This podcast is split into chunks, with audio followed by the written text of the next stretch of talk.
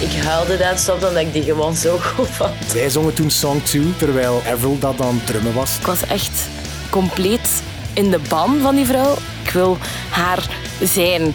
En ik dacht, geef mijn telefoonnummer. Je weet nooit, hè. het zou wel cool zijn. Moest vrienden zijn met Avril Lavigne. Dus dat was ook alsof dat wij midden in een of andere eh, fantastische droom zaten.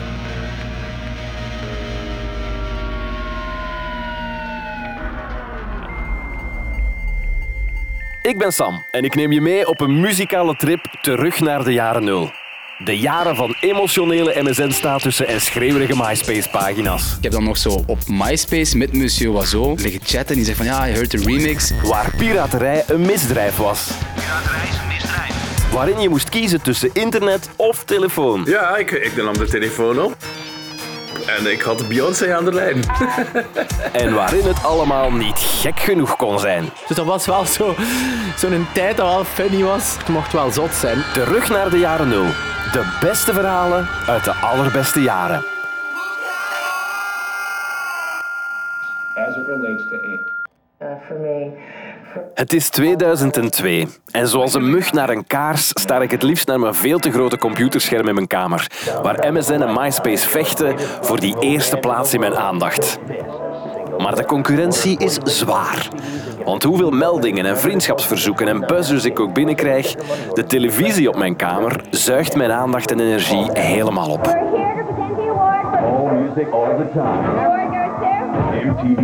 Want via die allesinnemende en allesverlichtende lamp krijg ik dag in dag uit de vetste clips op continuous rotation.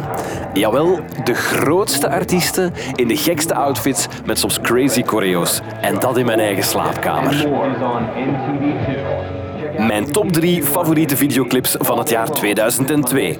Op 3. The Middle van Jimmy Eat World. Met de beelden van een zweterige homeparty waar alle feestgangers dansen en muilen in niks anders gekleed dan hun ondergoed. Snapchat bestond nog niet toen, dus dit was het hoogtepunt van geilheid voor deze 16-jarige. Op 2. Without Me van Eminem. Dat beeld van Eminem die balanceert op een drijvende drol in de toiletpot van Elvis Presley. Dat is geniaal en traumatiserend tegelijkertijd. En het zal nooit meer uit mijn geheugen gewist kunnen worden, zelfs niet met jaren therapie. Op nummer 1 Avril Lavigne en Skaterboy. Een hoop coole kids stelen de speakers, auto en stropdas van hun pa, flyeren de hele buurt plat en plakken elke muur vol. Om de coolste blockparty van heel New York in gang te zetten.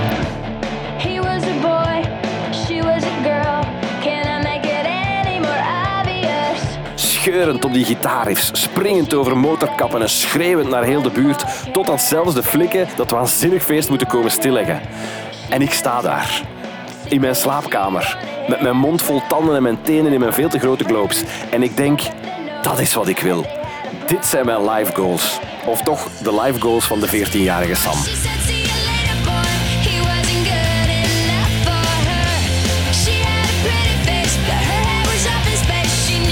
En niet alleen de video is zo cool. Ook het meisje met het lange haar. Met die schuine pet, de brede broek, de studs, de armbandjes en de das. Een das? Ja, een das. Duh. En wanneer ze met haar zwart gefrotte ogen en haar stoere blik mijn kamer instaart, is de nieuwe koningin van mijn MTV-kanaal geboren. Avril Lavigne. Als ik die nu bekijk, die Skaterboy, die video ervan, dat is wel heel goed overeind gebleven ook. Sean Dont die kon toen ook niet ontsnappen aan die video van Avril Lavigne. En heel het verhaal daar rond met die Skaterboy. En het, is, eh, het is een vertellingsken ook. Hè. Deze song niet zomaar gewoon een, ja, een songtekst. Ik denk dat de songtekst ook heel goed geschreven was. Heel simpel, volledig in die sfeer van skatende, punkrockende teenagers. En hoewel ze in die clip met haar studs een hoop Chevrolets van blijvende lakschade voorziet en het woord punk ook in 2002 weer een plek in de vandalen geeft, is die skaterboy niet de eerste keer dat ik en heel MTV haar stem hebben gehoord.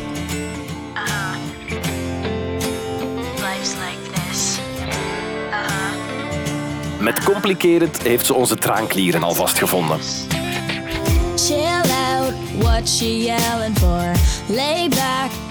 Maar wanneer ze een paar maand later plots met een punkrocknummer komt aanzetten, verliezen we helemaal ons fatsoen. Op de tonen, de ritmes, het imago van de punk ramt ze zich een weg naar de allerhoogste regionen. Well, and the Juno Award goes to Avril Lavigne.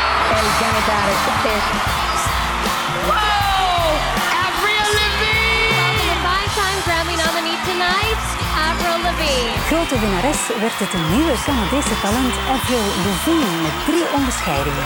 Ja, we leren haar nog maar net kennen met z'n allen. Avril, Avril. Het is voor niemand echt helemaal duidelijk hoe je haar naam nu echt uitspreekt. Maar wat wil je? Haar rise to fame is dan ook echt heel snel gegaan. Alsof de goden er voor iets tussen zaten. En dat zou geen toeval zijn. Want nog maar een paar maanden voor haar internationale doorbraak staat ons Avril nog wekelijks met de haren netjes gevlecht de psalmen in de juiste toonaard te kelen. We sat by the fire,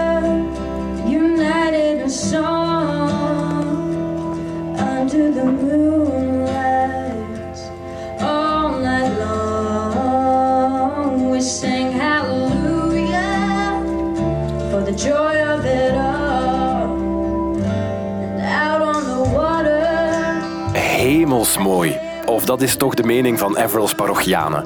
En die geven haar een plekje op de line-up van de lokale Christian Bookstore.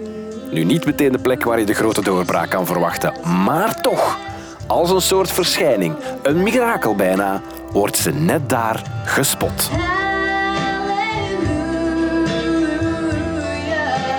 En vanaf dan gaan de hemelpoorten voor haar open. Ze slaat de kerkdeuren achter zich dicht en vertrekt naar New York, waar ze tekent bij een belachelijk groot label. En het is daar dat ze haar weg richting mijn slaapkamer in een snel tempo zal inzetten.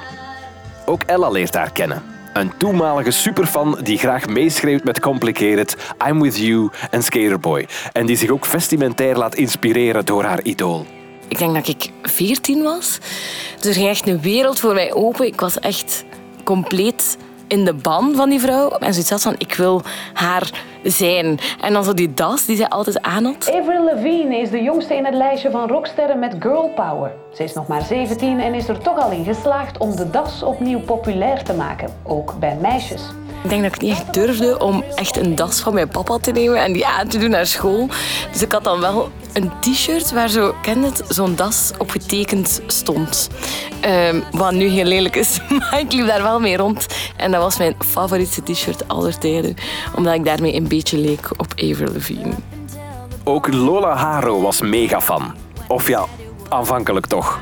Lola Haro ken je misschien als techno-dj, maar in de jaren nul was Lola toch vooral een skatergirl met een lak aan girly stuff. Avril Lavigne, ik vond haar gewoon echt een mega gravig riet. Ik was nooit, als klein meisje, ik was nooit echt zo meisjesachtig, laten we zeggen. Ik drumde, ik wou skaten, ik wou met de jongens voetballen. En ja, ik was niet geïnteresseerd in echt zo de girly girly things. Toen Avril Lavigne bekend werd, of toch voor mij bekend werd, kon ik mij zo relaten met haar. Ik vond, ik vond haar gewoon echt de max. Lola is dus helemaal fan van Avril Lavigne. En dat gaat soms erg diep.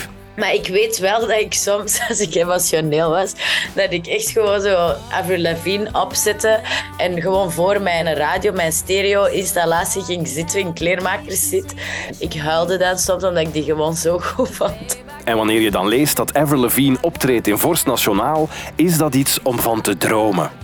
Al is de droom uiteindelijk ook wel een beetje bedrog. Ik weet nog heel goed dat ik voor mijn verjaardag mijn papa mij ticketten ge- gekocht om met hem Avril Lavigne te gaan zien in Vorst Nationaal. En ja, de beste dag van mijn leven, allee, toen ik die tickets kreeg. En ik dacht dat het nog een veel betere dag ging worden, de dag dat ik haar dus live ging zien. En ging dan met mijn papa onderweg naar uh, Nationaal, helemaal hyped. Al mijn doodskappen, ketting, allee, sjaaltjes en een eh, emo-outfit aan. En we, we, zaten, we zaten in de tribune en Avril Lavigne komt op het podium. En het eerste ding dat ze zegt was zo heel girly. Hey guys, I love you all. Het was totaal niet zo cool en, en, en skaterboy, skatergirl is als ik mij haar had in, ingebeeld. En ik was blijkbaar helemaal verstijfd op die stoel. geen woord gezegd, omdat mijn teleurstelling zo groot was van dat zij toch meer girly of alleen minder stoer was dan dat ik verwacht had. En toen dat we thuis kwamen, heb ik blijkbaar mijn cd's gewoon teruggegeven aan mijn papa. En heb ik gezegd van, ik ben geen fan meer van haar. Lola Haro, haar relatie met Avril Lavigne na dat concert? It's complicated. Maar het is wel de vraag die de fans, de vijanden en zowat iedereen in het lokale jeugdhuis bezighoudt. Is Avril dan echt niet zo skatergirl? Niet zo punkrock als ze zich voordoet? Is Avril een faker? Of niet? Die vraag komt uiteraard ook bij de poppy punkrockster zelf terecht. Avril makes me sick. She thinks she's punk, blah blah blah blah blah. And it's like I never once ever called myself punk to anybody. I'm not a punk rocker. I don't have punk music, and whatever. Uh, if if you want to know what I think that I am, I think that I'm just a rock chick, and I like to rock out. I like to throw shit around. I like to scream. I like to holler. I like to break things. I like to yell. I like to get my anger out.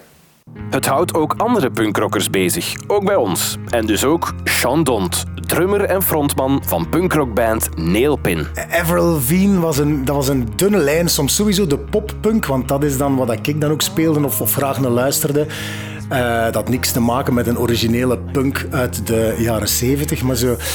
Ja, waarom is hij zo groot geworden? Dat is omdat dat net die middellijn bewandelt van eh, pure radiopop, maar toch met hier en daar een stevige gitaar erin en vooral ook een, eh, de perfecte middenweg bewandelt om zowel de poppunkers mee te hebben als eh, de mensen die dat toevallig op de radio hoorden en dachten oh, maar dat blijft wel, dat is een fijn liedje, dat blijft wel, eh, wel hangen. En heel het verhaal daar rond met die skaterboy en... Een mix tussen pop en punk dus. Op het eerste zicht een rare combinatie. Maar dat is Fruitstap en Passoa uiteindelijk ook. Poppunk is in de jaren nul weer helemaal hot. En het is iets wat niet enkel bij Avril Lavigne de distorted snaren raakt. Ook in onze Vlaamse klei marcheert het goed. Met bands als Nailpin, maar ook met Jane's Dead hadden we in Vlaanderen onze eigen populaire punkpopbands. Op de festivals, in de jeugdhuizen en soms ook wekenlang in de afrekening. We hebben net een nieuwe single uit. Dat heel cool zijn. Mochten jullie de afrekening stemmen? En ook zij zitten soms te vloeken op de termen pop en punk. Iets wat hen later nog veel meer dan kopzorgen oplevert. Net als bij Avril Lavigne. We waren een soort eh, kruising tussen eh, ja, moet ik eens zeggen, de Vlaamse Green Day, slash Ramones, slash eh, ja, Californische vrolijke poppy punkrock. Die sound van de punkrock slaat goed aan. Elk weekend hijsen in onze Vlaamse jeugdhuizen en concertzaaltjes een hele hoop muzikanten de gitaar rond de nek om het liefst van al de avond lekker fysiek in een zweterige moshpit te eindigen. Om te beginnen was die, die algemene punkrock en hardcore scene, die was in Vlaanderen heel groot. In West-Vlaanderen zeker, Antwerpen, Limburg had er echt zo ja, regio's waar letterlijk iedere dag van het weekend een optreden was. En dat waren ook altijd ongeveer dezelfde bands, we, we kwamen elkaar altijd tegen en je bleef altijd daar rond de kerktoren. Uh, had in, in Antwerpen had het Lintfabriek. Daar kwamen bands als... Mensen vergeten maar Green Day, die Offspring zijn daar allemaal wel komen spelen in het Lintfabriek. Als je er vandaag voorbij passeert waar dat, was, dat was verdorie een rijhuis. Dat kun je niet meer voorstellen. Dat was een concerthal, een rijhuis. Maar die scene was er wel en die ging heel hecht aan elkaar. Dat was ongelooflijk levendig. Loser. Okay. I won't play hoe hechter de scene, hoe kleiner soms ook de hokjes waarin de bands worden geduwd. Want we zijn begin jaren 2000. Je bent ofwel een rocker of een gabber. Ofwel een skater of een metalhead. Je moet kiezen. Wij zaten daartussenin. Mensen vonden ons wel cool, maar sommige mensen vonden ons ook niet cool, want ze wisten niet goed wat ze met ons aan, aan moesten. Want het was wel punkrock, maar anderzijds, ja, verdorie, het was wel poppy punkrock. Ja. Dat andere bands, Weezer, Green Day, dat die even, even poppy waren, daar werd, dan ook niet, daar werd dan ook niet over gemekkerd. Maar het was voor ons toch eh, balanceren op een slappe koord.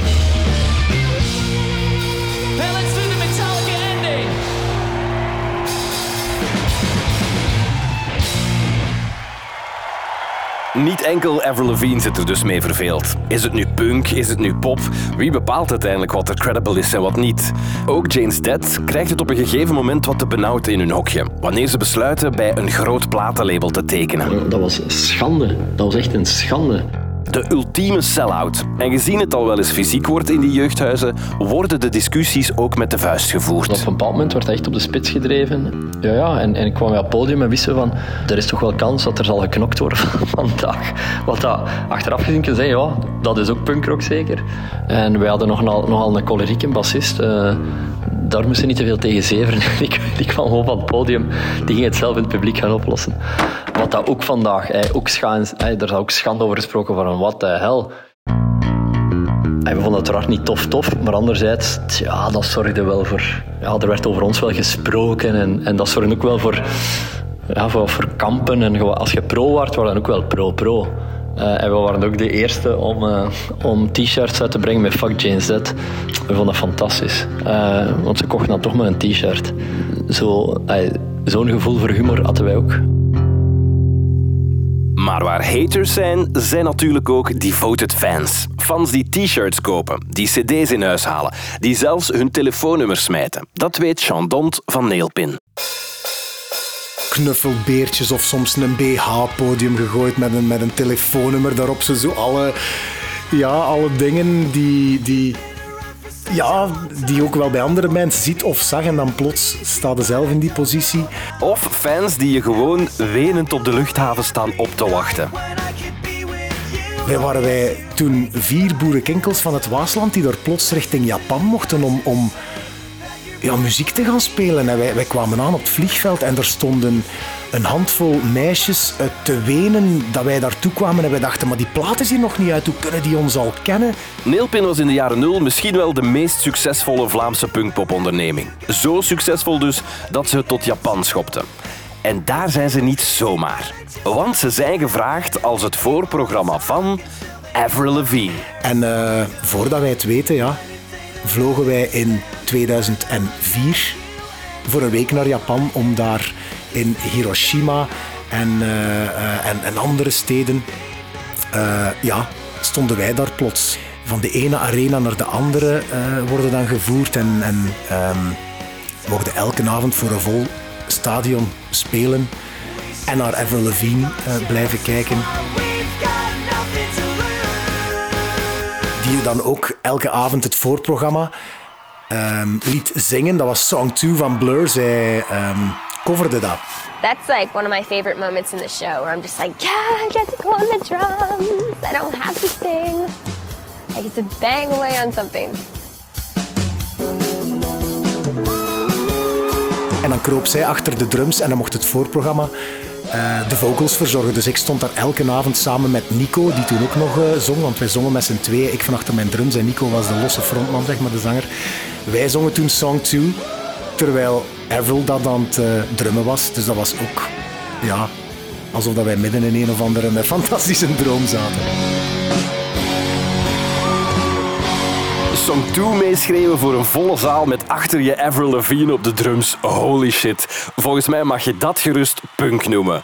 Sean en Avril hebben dus een podium gedeeld, vet. Maar een gesprek?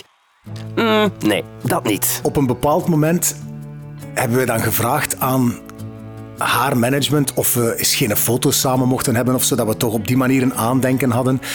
Ehm, en dan stonden wij in een kamertje te wachten en zij kwam dan binnen. Hij was eigenlijk redelijk, ja, redelijk verlegen. Vond ik, want eh, en wij zijn dan ook al niet de grootste babbelaars, of wij waren ook wel wat eh, geïntimideerd door, door. Ja, dat was toch echt een superster op dat moment. Ehm, en toen heeft ze wel verteld dat ze ons album, de eerste plaat eh, waarmee wij toen aan het toeren waren, 12 to Go, dat ze die op haar iPod had staan, hè, de tijd van de iPods. Eh, dat die op haar iPod stond en dat ze die dus wel heel, eh, heel goed vond. Onze plaat. Dus dat is zo wat eh, het, het enige korte gesprek dat ik heb gehad, of wij hebben gehad met Avril. Ehm, maar ik heb haar dus eigenlijk nooit echt gesproken of lang gesproken. Er zijn maar een paar Belgen die ooit met Avril Lavigne spraken. Zelfs de pers krijgt daar in de jaren nul amper te zien of te horen. Maar catnet-rapper Peter Piepen die heeft wel geluk. Ik heb met Avril Lavigne gesproken. Ik heb met haar in één ruimte gezeten, samen met nog een, eh, een, kleine cameraploeg. En eh, ik, heb haar, ik heb haar gesproken ja, in de catacombe van Force Nationaal. Hij mag bij haar langs wanneer ze in Vorst Nationaal staat.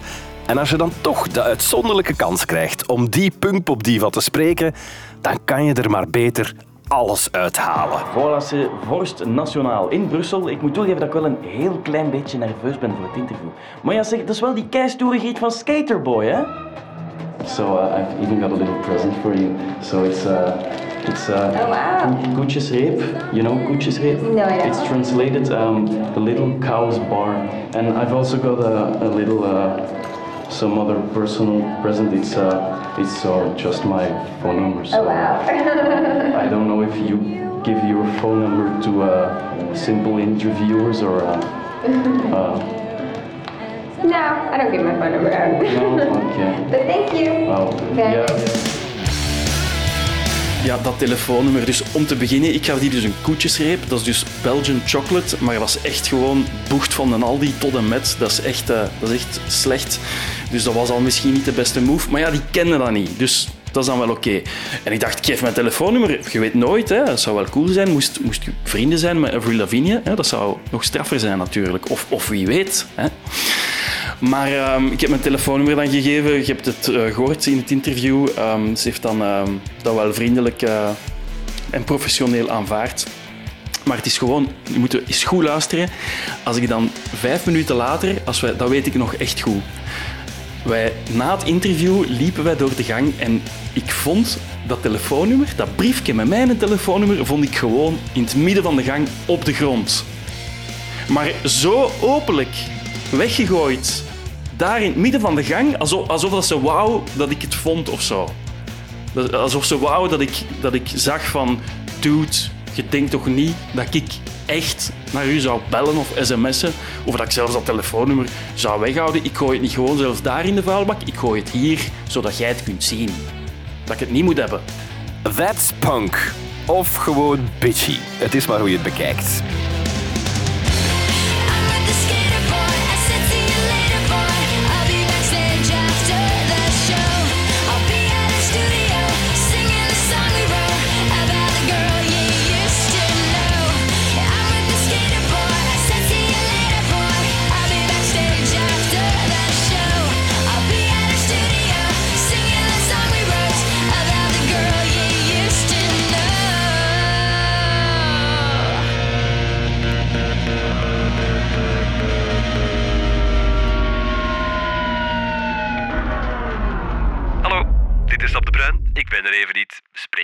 Na de biep.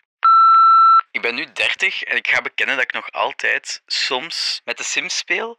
Maar toen ik 12, 13, 14 was, dan speelde ik dagelijkse basis de Sims.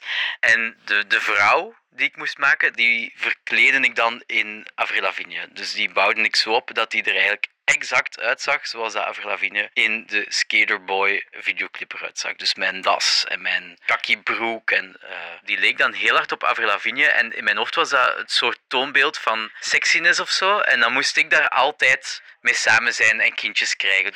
Eh, ehm, ik, ik bedroog haar ook vaak met, met de, de schoonmaakster, want dat was ook een van de dingen die ik vaak deed met mijn personages in The Sims. En die stierven als ik ze beu was. Eh, maar dan ging ik waarschijnlijk terug een manneke maken dat heel hard deed op Avril Lavigne om haar te vervangen. Sorry, je bericht kon niet worden afgeleverd. Om terug te gaan naar de jaren 0, druk op volgende aflevering. Druk sterretje voor meer van Studio Brussel. Druk hekje voor een podcast van Van Leeuwen en de Bok. Om af te sluiten, legt u gewoon in.